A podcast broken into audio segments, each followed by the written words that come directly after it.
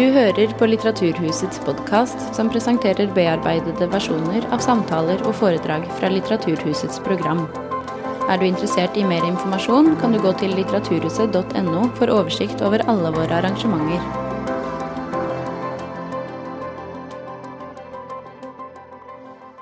Good evening, everyone, and welcome to the very first event of our program this week, which we have given the title Who Has the Right to a Future? My name is Susanne Kalutza, and I'm CEO here at the House of Literature. Tsitsi Dangarembga's iconic novel, Nervous Conditions, was first published in 1988. Now it's finally available in a new and beautiful Norwegian translation by Merete Alfsen. The novel opens with the following words I was not sorry when my brother died. With her trilogy of novels, Dangarembga unflinchingly examines who has the right to a future. Through the story of a girl fighting for equality, for her right to education, growing up in a colonized land where she, a black girl, is at the very bottom of the hierarchy. What made Dangarembga's books modern classics? And why should we still read them today? We have a very qualified panel to delve into Dangarembga's work with us tonight. Maaza Mengiste is the author of Beneath the Lion's Gaze and The Shadow King, both examining the history of her birth country Ethiopia through fiction. She cites Dangarembga as one of her literary inspirations. Tonje Vold is a professor at the Department of Linguistics and Scandinavian Studies at the University of Oslo, and she wrote her thesis on Tsitsi Dangarembga's books, and Dangarembga also figures in Vold's book Å lese verden, a book about world literature, post-colonial literature, and eco-criticism. Mariam Idris is the author of the novel Janniken Evangelia, a literary critic and a translator. And to lead the conversation, we have our former colleague, the author, and currently uh, a part of our artistic council for our African literature project, Andreas Liebe Delsett. Please give them all a very warm welcome.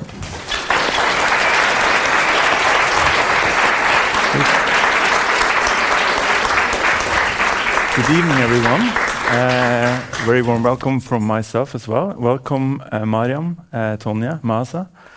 Um, I have to admit first that this is a rather emotional uh, thing for me, uh, just because, uh, I mean, between myself and Tonje, I think we have, I, can, I don't think I can count the number of times we have tried to get Norwegian publishers to, to take on these books. Um, uh, and we don't have to finally we don't have to spend any more time talking about why they don't do it because now someone finally did it.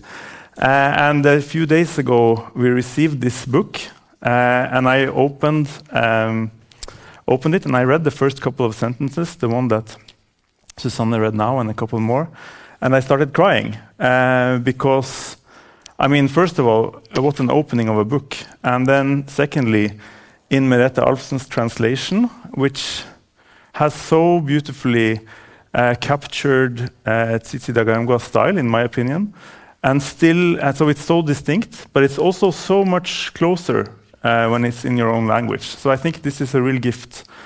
Um, and we will uh, talk today about nervous conditions and the rest of the trilogy a little bit as well. Um, and I wanted to start with you, Martha. I mean, where, I, when I grew up, uh, the one who uh, we always uh, serve, the one who has traveled the furthest, uh, and you have traveled the furthest uh, first. So we start with you. Um, uh, do you remember when you read the first sentences of Nervous Conditions?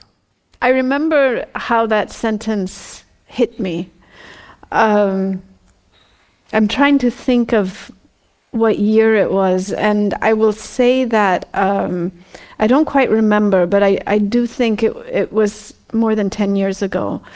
Uh, and what happened in my mind at that first sentence um, was that I, I felt um, an instant bridge uh, between Tsitsi's work and the work of another African writer that has been a huge influence to me, um, Ama-Ata Edu. And in fact, it's, it's interesting that Tsitsi has quoted her um, in other things, but I remember thinking this book is about to affect me the same way that Ama-Ata's book changed my life and uh, the possibilities I thought that fiction had. Um, Tsitsi's words were shocking, that, that first sentence, uh, but the book, it, it introduces us into the world of a young girl who is painfully and brutally honest. And I think is trying through words to make sense of a world that is cruel and confusing. Um, yeah, and, and I, that, that first sentence introduced me to a, a world and a kind of thinking that felt shocking and breathtaking, but also uh, I could understand it. Tonje, you, I mean, as far as I can gather, you have been living with this, these books for, I mean, ever since they came, more or less. No, and not through exactly, your academic, yeah. whole academic endeavor. Feels like forever, Yeah. certainly. But how did you, how did you uh, find them? How did they come to you? Well, I was in Zimbabwe in Harare at the time, and I was uh, so very lucky that I could um, get on board on um, a master course in media and development, I think it was called, um, which I didn't actually do media studies, but literature studies. So I was trying to find a way to do media studies with literature. And I was reading a lot of Zimbabwean uh, literature at the time. And I, I did a small thing on Chenjerai Hove and some children's literature and other things. But when I um, when I read Tsitsi Dangarembga, then I understood that okay, so this is going to be the master thesis because the, and and and I was so happy because that meant I was always also looking for a reason to come back. So I found the two, That's perfect. the topic and the reason to come back to Harare and stay there for some time. Well, then with you, Mariam, I mean, uh, you were not born, I think, when this book was published. Wait, no, I was. Uh, no, not quite. No, I don't think so. um, it's okay. I was only four at the time, so that's okay. Um, It's not my fault. No. But I, and I know that you read it quite recently. Beginning Uh, of April, I remember it well. what was that like? I mean, you approached this as as a classic. I mean, you knew that it of its canonical uh, place. it's it was a real blessing to have someone email me and say, "I think you'll like this book. Please take the time to read this trilogy," and then find that it was correct. That I did really, really enjoy it, and it'd been a little moment since I'd read a book that I could properly disappear into. I read a lot of short books lately. I wanted to properly like get uh, get into a bigger world, and uh, yeah, it was it was great. It was uh, really enjoyable. Wonderful. Yeah. We'll get back to some of the details of what you discovered later. Uh, but I was thinking maybe we should uh, try and also place Dangarembga a little bit. Um, uh, Maaza, you, you have said once that uh, uh, Tsitsi Dangarembga has been quietly changing the world for 30 years. Can you pr- can you tell us what you meant by that, and and a little bit more about who she is? Yeah, I, have such a huge admiration for Tsitsi. I don't know how to describe the the kind the quiet force that I think she has always been um, on the continent uh, and in Zimbabwe, but also for the literary world. Um, she is a writer that did not get much attention for a number of years in which she was working, and yet she was relentless in in her in her belief that words and imagination, and in particular her words and her imagination, could make a change in Zimbabwe, and that that change in Zimbabwe might be able to ripple out into the rest of the world. Um, she has been working to make these changes even when no one was paying attention. And that's what I mean by the quietness. That it has been a deliberate, concentrated, focused, uh, a kind of activism that that seeps uh, seeps into her work, uh, but is also very politically motivated. I mean, we um, we're sitting here today, a day after she was just acquitted uh, by the, the, Zimbabwean Supreme Court for protesting. I think it was two years ago or three years ago. Uh, she and one woman, Julia Barnes, standing on the side of a road in Zimbabwe with a sign.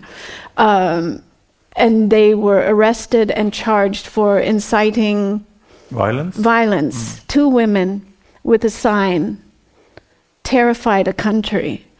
Uh, and that's the kind of quiet work that I find her doing. That even if she's alone or if um, if she's outnumbered, she will still be on the side of that road, not shouting but holding up words. Uh, and that for me is a symbol. I mean, that's what I think of when I think of Tsitsi.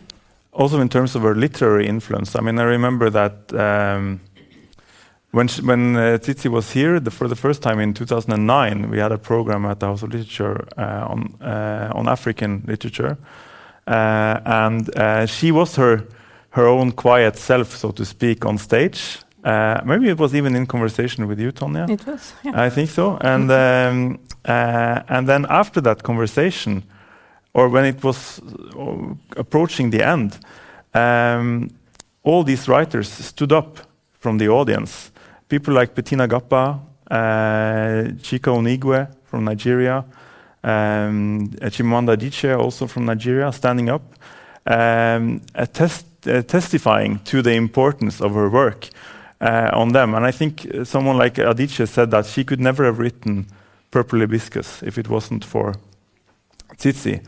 Um, but if we are going to like start encircling the work, uh, Tonje, um, uh, uh, I mean, you were there when, when this happened, as I said. Uh, why?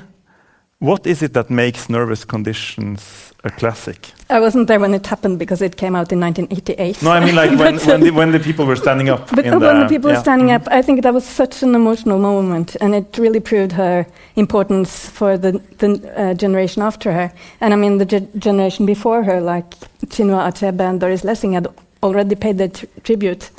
And, and the extraordinary thing also is that she has only published these three novels. So the volume of her work is so, so small. And the last one just came in 2018. So even with the first one, she was this huge uh, literary influence and icon um, uh, and had this tremendous force that uh, that new writers and readers, uh, especially in, in southern Africa and Africa, of course, but also in, in the US and uh, also in Europe, could, um, could be overwhelmed by and influenced by, and so on. And why this happened is as we were talking about, about the force of the first sentence, which really, I mean, it's so amazing that she has this uh, debut novel and and it's in this little girl's voice. And the first sentence is, I was not sorry when my brother died. And not even the content, but she puts the I, the first word actually, she puts in print in her first work is I. And it's a really powerful thing to do. Uh, and I think it has a lot to do with that I, um, that perspective of the little girl, uh, the nar narrator, Tambu, uh, and seeing. Um, um, seeing her growing up uh, from the perspective of a village of a village girl, and in the Zimbabwean literature at the time, uh, in 1970s and 1980s, which were really lots of quality literature.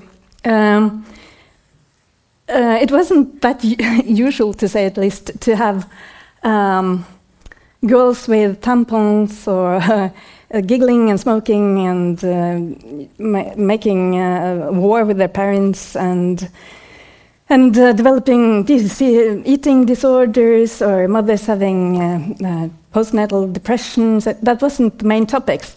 Um, these were post-colonial or decolonial times. It was just after, so to speak, the Chimurenga War, and and um, literature was mostly concerned with the same themes as she is concerned, like so-called modernity, so-called tradition, the, coll uh, the collective, um, decolonization, and so on. But but from a more masculine point of view, and from the more history as such uh, than this family, which is the center of uh, nervous conditions.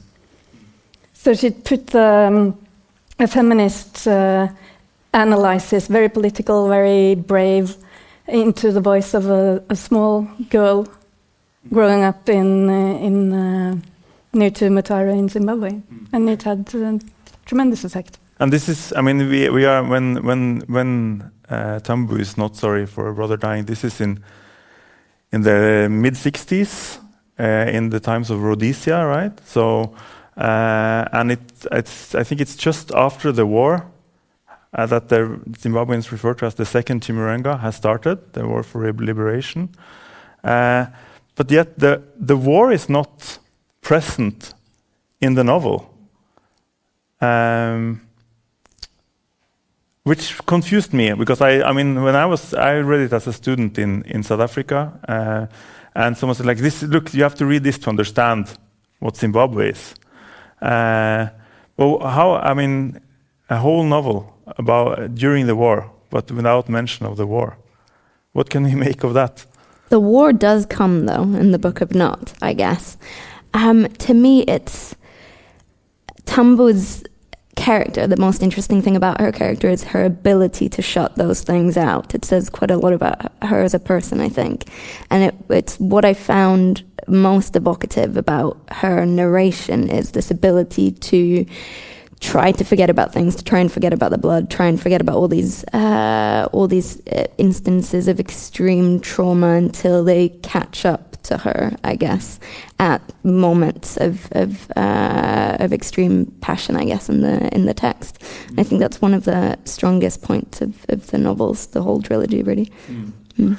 But I mean, um, we hail this as a classic of African literature, um, of post-colonial literature, and so on. Um, uh, but I somehow have this feeling, and maybe this is why we have to some extent have been struggling to have Norwegian publishers take on this book is because uh, maybe some of these categories stand in the way. Uh, when I, re I reread uh, uh, Nervous Conditions, I mean, uh, last year, before she was um, coming to be included in the future library of the Deichman Library in Oslo, um, I mean, uh, I was struck by the and, and, reading it later, much later after having read it in South Africa and so on, that it's you can read it uh, on so many other levels than a book about Zimbabwe. Do you agree? What, in what way do you prefer to read it? well, um, you know, I've never, I've never been to Zimbabwe, and uh, so I don't know very much about the community that she writes about. Um, and yet, for me, when I picked up the book, it's a story about a young girl trying to make sense of her place in a world that is trying to push her in one direction while she is trying to move in the way that she wants to move, but she's too young to really know yet what she wants. Uh, and so, this, for me, this felt like a book about understanding or trying to make or create options in, in your world.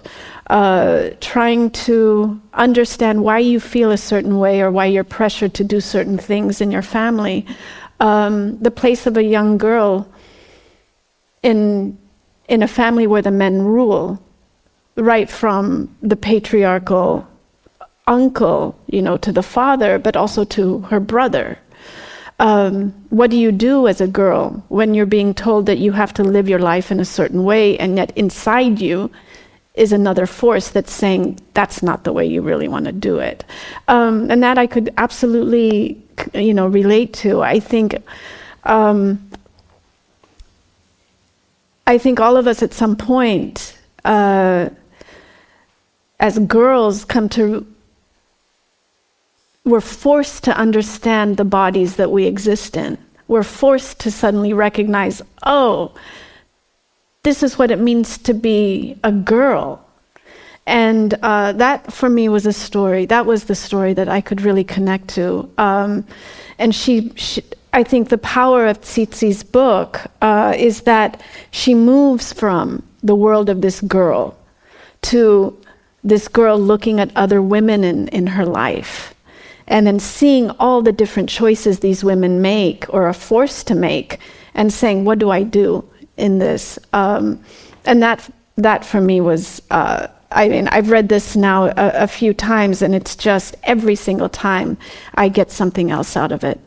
Yeah, and I think we'll have to add into this uh, mix also uh, the topic of female friendship and. Um, and the topic also of, of um, an intelligent girl seeking a way, which is also very uh, strong and and remarkable in the book.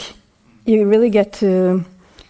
Um, Dan has this um, this ability to to on the one hand look at her characters with sort of an ironic distance and making small comments on them, and you're like, hmm, she's making fun of them to some extent, but then she's so empathically um, um, interested in, in, them, and and really you feel her love for uh, her her love for them in in the way that you also start to love them.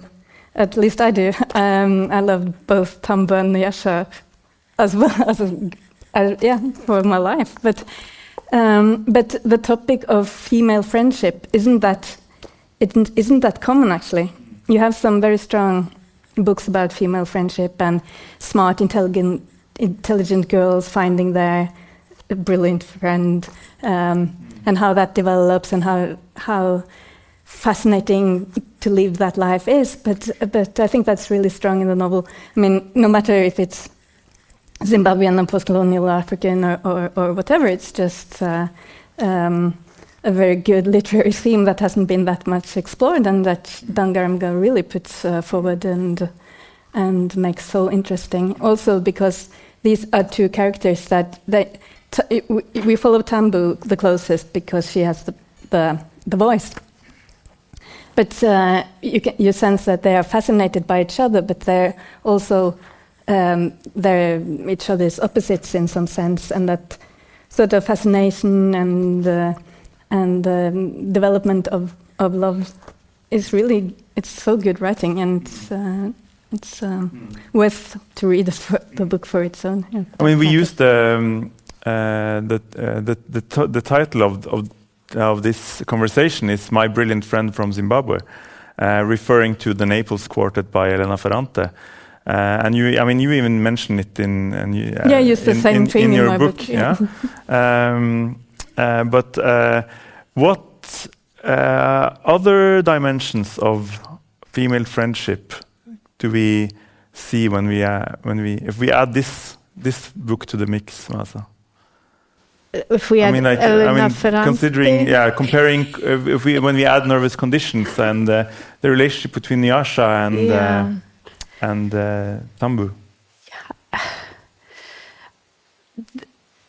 What I found wonderful about this relationship between Nyasha and, and Tambu was uh, what I thought with Tsitsi's very political decision not to make these young girls rivals with each other, to make them allies in a family, because I think it's so it would be so easy to pit one girl who's so different, who's had all the privileges of, of one kind of life, against a girl who grew up in a village um, and maybe is more comfortable in her community than this girl who who went to school in England um, is. So I, it was a very deliberate choice I felt, and an awareness by Tsitsi that um, it is possible to be female and African and within a society that is subjugating and oppressing you and not turn against each other as women and as, as girls, that you could build alliances where you help each other in this world. Uh, and I found that, um, I found it refreshing and, and really um, provocative. Um, I mean, if we talk about Elena Ferrante, uh, and my brilliant friend, you see again and again the, the the tension between these two girls, the push and pull, the way one admires but resents the other. And um, Tsitsi has has forged something quite quite special in the relationship between these two girls, and I I appreciated it, and it and it felt to me um, like a kind of if books are supposed to teach us how to live, and if books are supposed to inspire us to create the kinds of relationships we see in them, then I think um, this friendship was something that, that I really took to heart and hope to emulate. And especially with the character, both character actually are so incredibly competitive as people. So it, it, kind of speaks against their character that they have this incredible bond, but they do anyway, which I think is quite beautiful. Yeah. Um, I thought we'd also talk a little bit about the title, Nervous Conditions.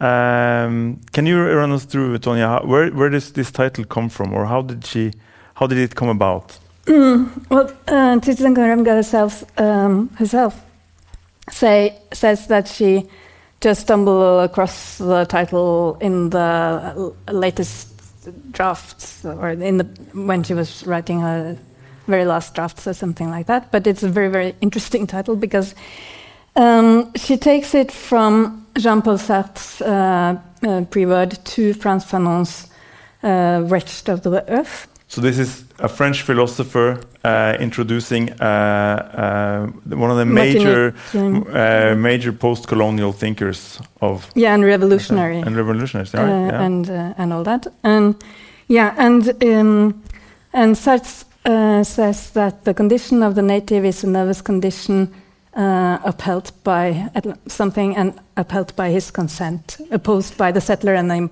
and upheld by his consent I think it is.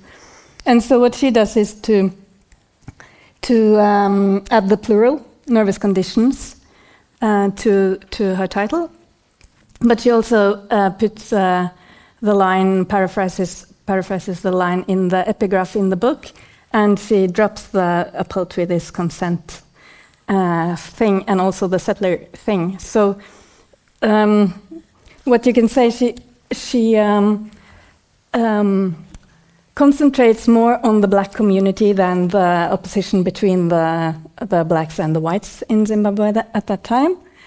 And she also adds the plural, which you can say is, is also about um, highlighting the gender, the gender um, aspects of the native, which in both Sartre and Fanon's writing is, you know, implicitly male. The native is the, the, the male person and the settler is the male person, and and she she opens up, um, she narrows down because she's focusing on her, her, universe and the female community, some, if you can say so, the female characters at least. Um, but she opens up the the um, more stereotypical or or political um, discourse to uh, aspects of, of uh, feminism and gender quest questions of gender.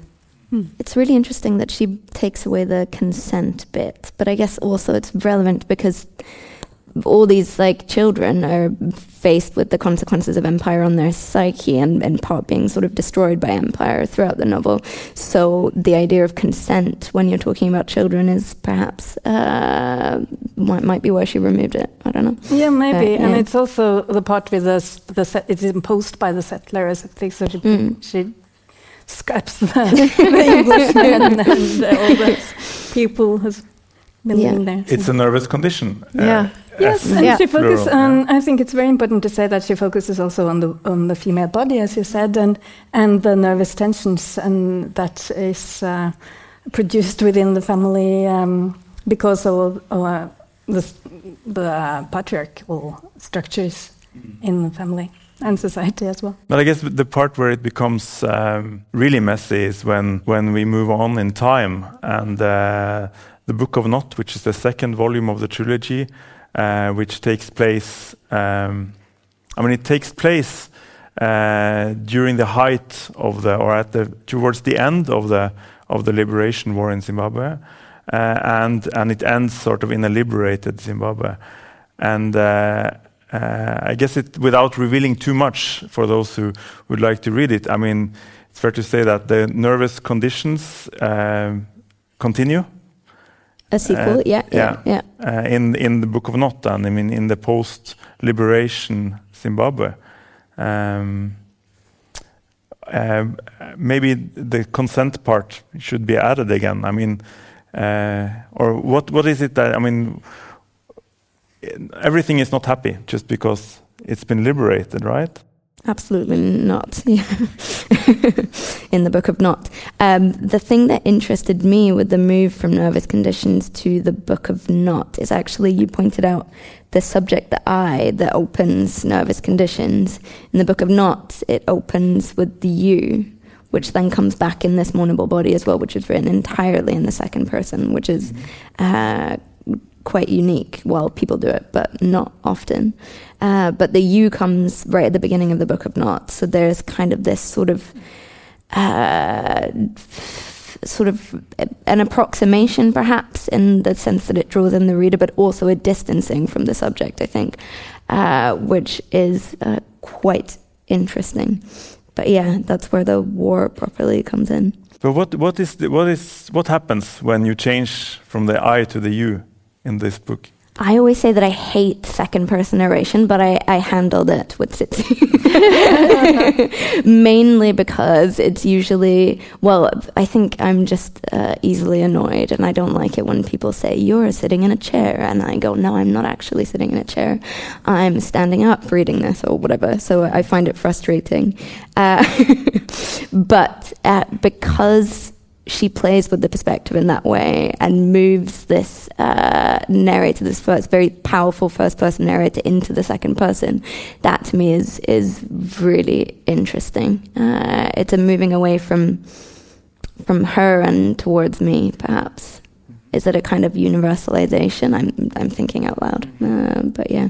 What did you guys think about the move from the I to the you? I thought it was absolutely heartbreaking.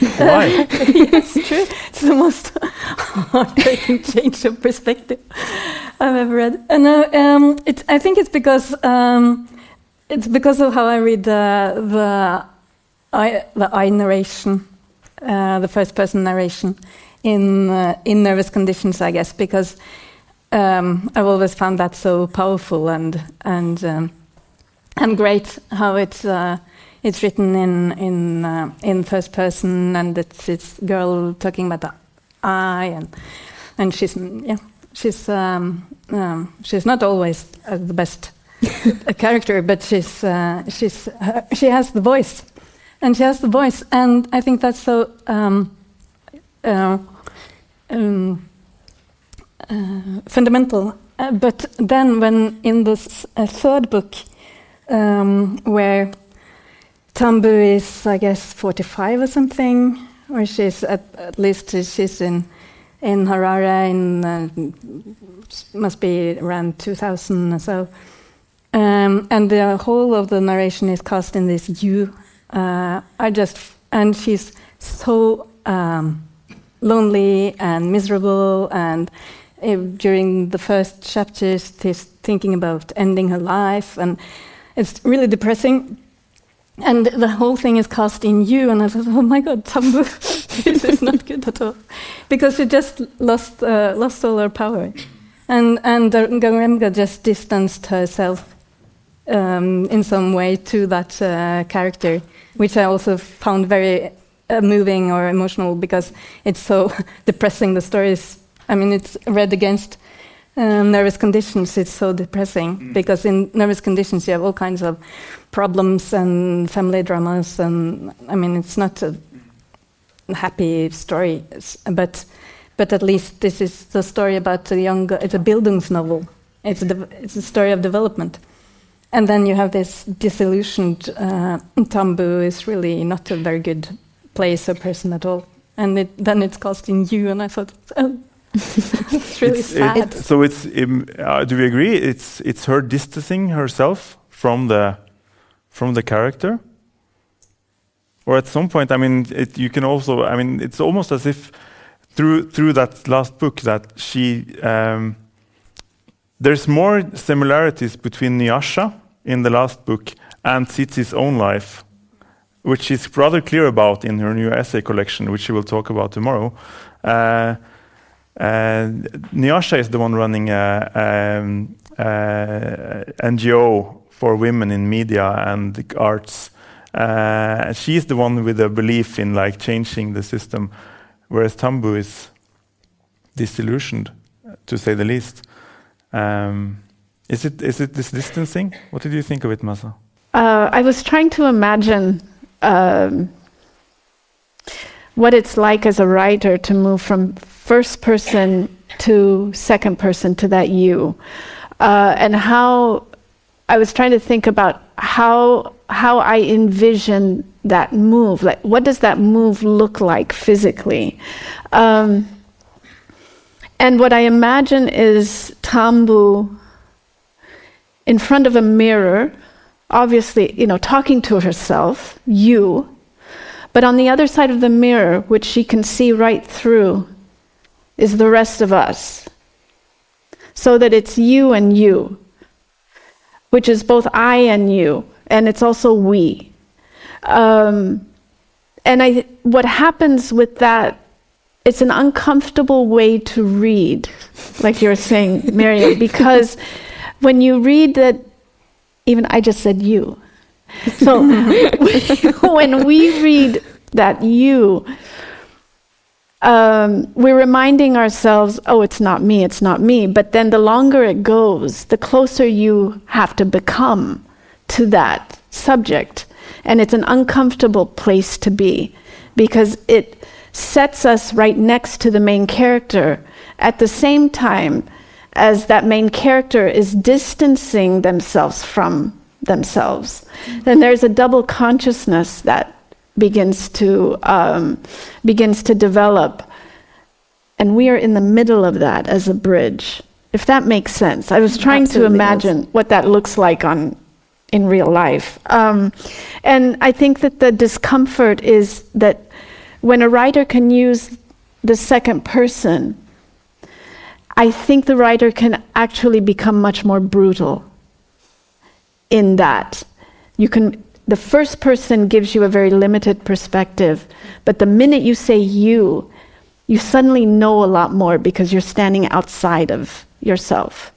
Um, and you see more and you say more and you can be more cruel uh, because it's not just the I, it's also all of us that, that's being talked to. If, yeah. If that I've talked in a circle. I think it, makes perfect sense to okay. me, uh, but uh, who knows? Um, uh, but I mean, it's it's also extraordinary. Speaking of, of how things change with this trilogy that has been written. Oh, I mean, it spans 30 years or more, even. But it's also written over 30 years uh, in real life, so to say. I mean, we may be talking about a quartet. I'm hoping secretly, uh, because maybe she will write more.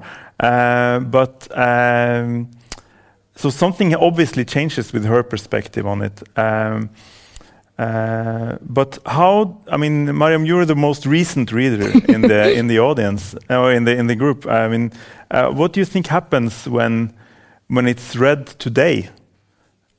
and this this like I mean when when when it came out the uh, when, when nervous conditions came out when it, when the trilogy started um, the wounds of the of the liberation war were still very fresh and um, and and this was very contested ground. Uh, uh, now it's it's far far away. Even Mugabe has passed. Uh, uh, it's a new Zimbabwe or something uh, wh how, what is it like to read it today, do you think, in that sense? It's a mark of good literature that it, it's not just a historical document, I guess. That can happen to books sometimes. But to me, what was fascinating reading it now having read quite a lot of books in this similar sort of post-colonial uh, thread, it was a story that I recognized that I think, as Tonje said as well, was new at the time. But right now, I've, uh, you know, this story is quite recognizable to me, but it still subverted my expectations all the time, which I thought was impressive for for um, a book that was written, uh, you know, over 20 years ago, uh, well, 30 years ago. Um, so I thought it takes this like hero's journey, this like growing up, and it subverts it all the time. It takes a hopeful story about youth. I think the first book is so hopeful, and it just like kills you because uh, the second and the third one are really hopeless. um, I think I want to say that they're not, but but they are very hopeless.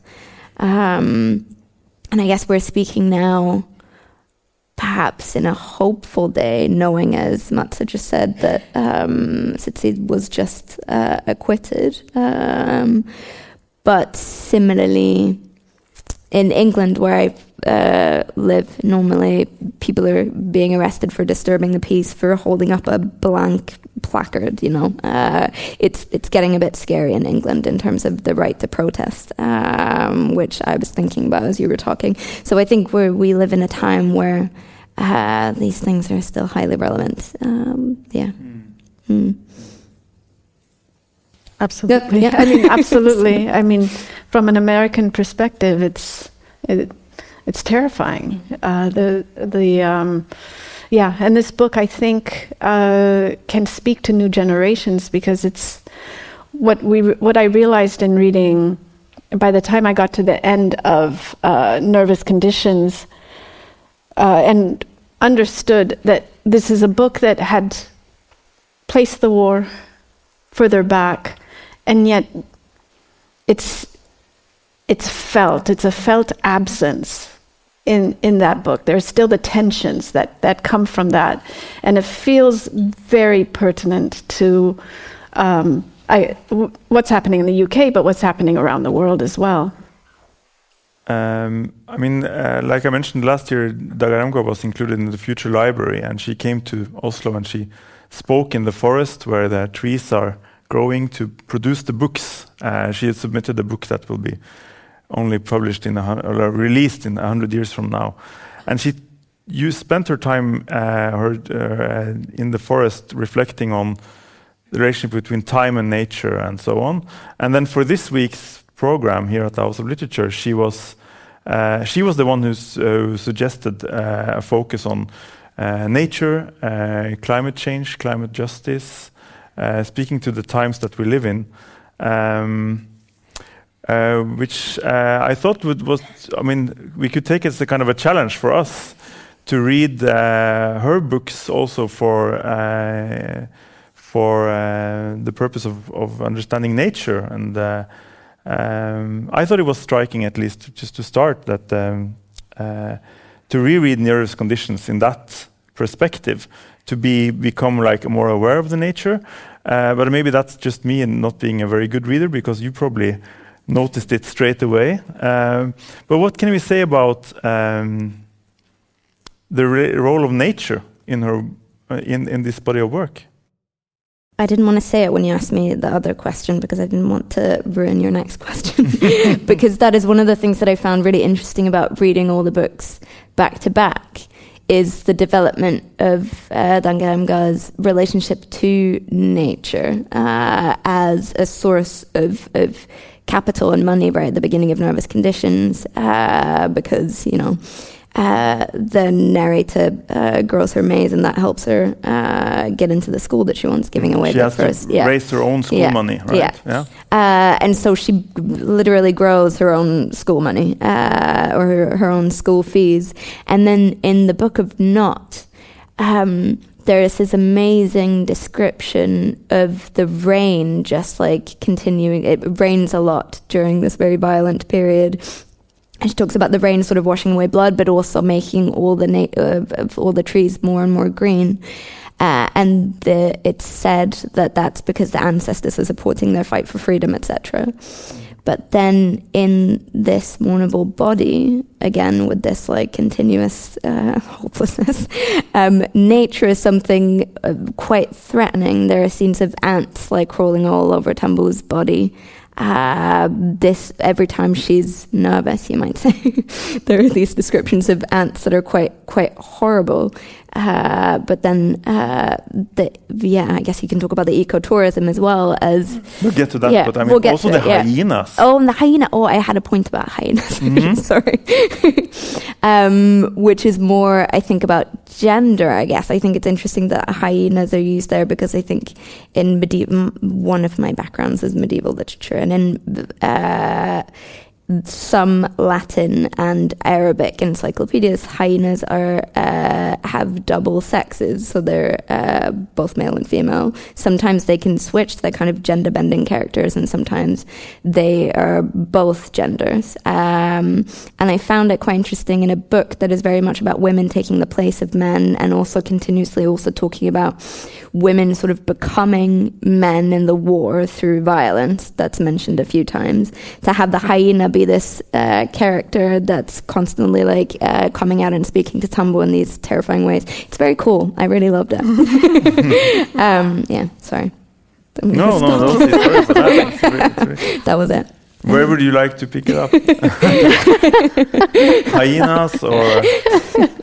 Well, I mean, I, uh, uh, if we go back to nervous conditions, um, uh, the river also as a place that she comes. I mean, which is her childhood, so to speak.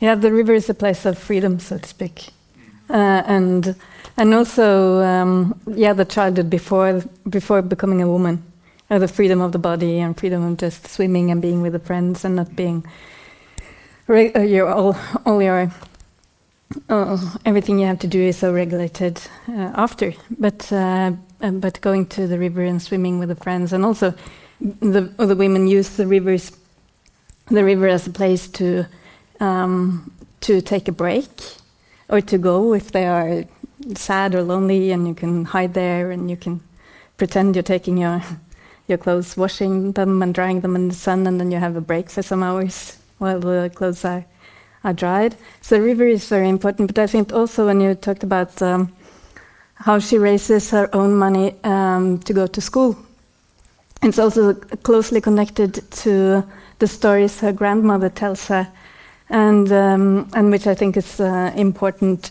difference between how Tambu and Nyasha um, develops um, through the first novel uh, very differently, where it seemingly, at least, Tambu seems to be on top of everything, while Nyasha seems to have to struggle a lot, um, because um, Tambu has this close closeness to not only nature but the stories of her family, which she has been giving through from her grandmother, telling them also more or less like a fairy fairy tale, but connecting Tambu to the earth and the ground and um, the nature, if you want. And I keep thinking about um, the ways that uh, Tambu and her family interact with the river, with the crops, with the land. What happens when that land becomes polluted by the corporations that eventually will move in there? What happens to people who can no longer use that river. You can't swim in there. I mean, these are things, climate change from an African perspective. Um, is, I don't know if we talk about that enough. Uh, what we see sometimes are the, the end results of that, which is that people whose land has become so saturated with the poisons from these different oil companies and these different industries, the flower industries, I can say in Ethiopia, um, that use all these chemicals that then become unhealthy for the people who have to work on that land or in those companies in order to, to support their families, um, then they have to move because now the land can't sustain them. And then we have these displaced communities with nowhere to go except maybe out of the country. And then it begins this cycle that we eventually hear about in the United States or, or through Europe saying, and you have politicians saying, why are these people coming here? And yet you just trace the money or you trace the companies, you trace the oil, and it leads you right back to the land that belonged to the people. Um, and I didn't want to ask, I didn't want to say this because it's a question I'm going to ask Tsitsi tomorrow, so pretend you didn't hear it. but um, what does climate change look like from a black female African perspective? What is climate justice? Um, what does climate justice look like from a female perspective, no matter where you are? Uh, and I think that we, um, It's, it's an important conversation, and, and it's something that I'm really glad Tsitsi has, has highlighted. Uh, we don't know necessarily all the answers to that, uh, but when I think of Tambu, I think of the river, I think of the land, I think of the maize that she may not have been able to grow if that land had been contaminated. And then you see that a future is then impacted. You can talk about an absence of oil as well as an absence of war, I guess, in nervous conditions. Yeah. yeah. How? In the sense that, well, reading it now, you know what might happen in the future, and that's a sort of tragedy that looms as a reader. Um, yeah, that's And that's something that has changed. Yeah. Mm. I mean, fortunately, we will we will get really interesting answers to both that question from you uh, tomorrow from Tsitsi. Please Uh, come and tomorrow. also uh, Nonhle Mbuthuma, who's um, Yeah. an activist from South Africa, from the Amapondo, uh, who has been resisting both mining and and uh, oil uh, drilling in her um, in her uh, um, in her village, uh, and. Um, uh, but I mean, one thing we can do is to to look at uh, the way it's suggested by Tsitsi in this mournable body, as you mentioned, Mariam. I mean, um, the job that finally lands with with Tambu when she's at her most desperate um, is, and it's ironically, it's by it's Tracy from from the college that from the from the school that she goes to. Um, uh, that kind of comes in surfing on this wave of like entrepreneurial uh, ecotourism, which is the um,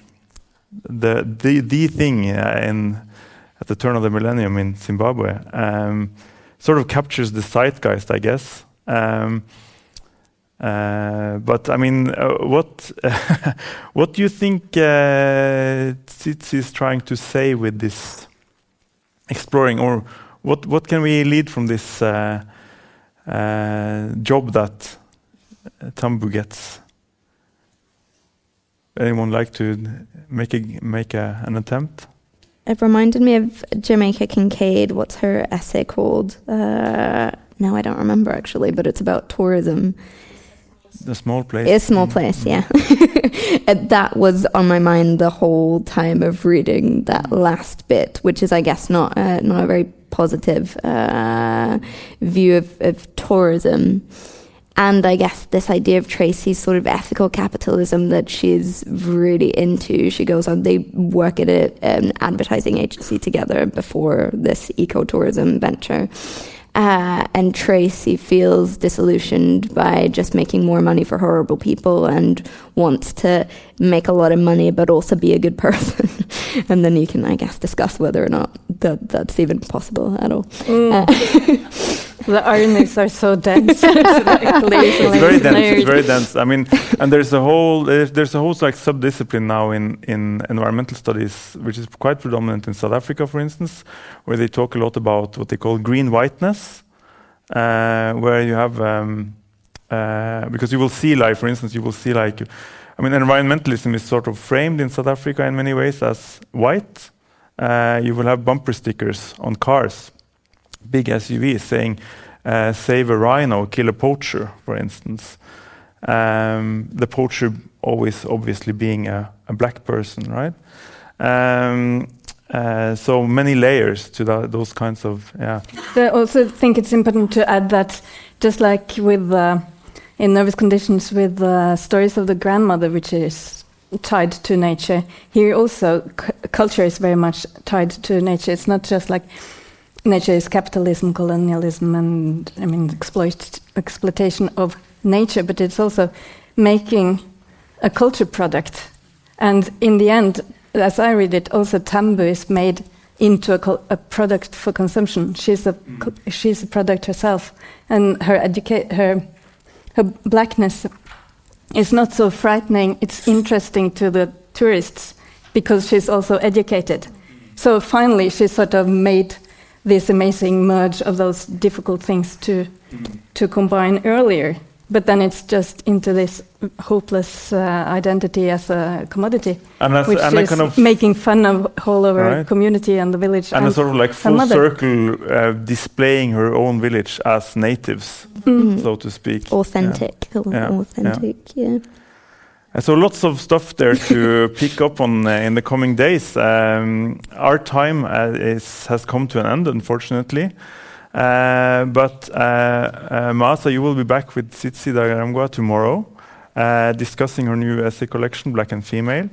Uh, and there's much more. And uh, in just an hour, Masande Ntshanga, who's a brilliant young author from South Africa, will discuss with uh, Julia Vedlocka um, uh, about speculative fiction, apartheid pasts, and dystopic futures. So stay for that if you like. Uh, but please join me in uh, thanking Maaza Mengiste, Tonje Vold, Mariam Idris.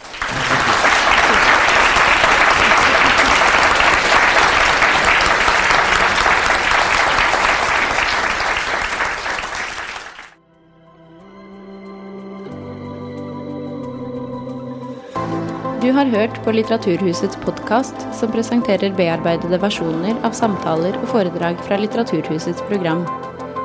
Del gjerne podkasten med familie og venner via iTunes eller Soundcloud om du liker det du har hørt. Følg oss også på Facebook og på litteraturhuset.no for informasjon om flere aktuelle arrangementer. Musikken er laget av Apotek.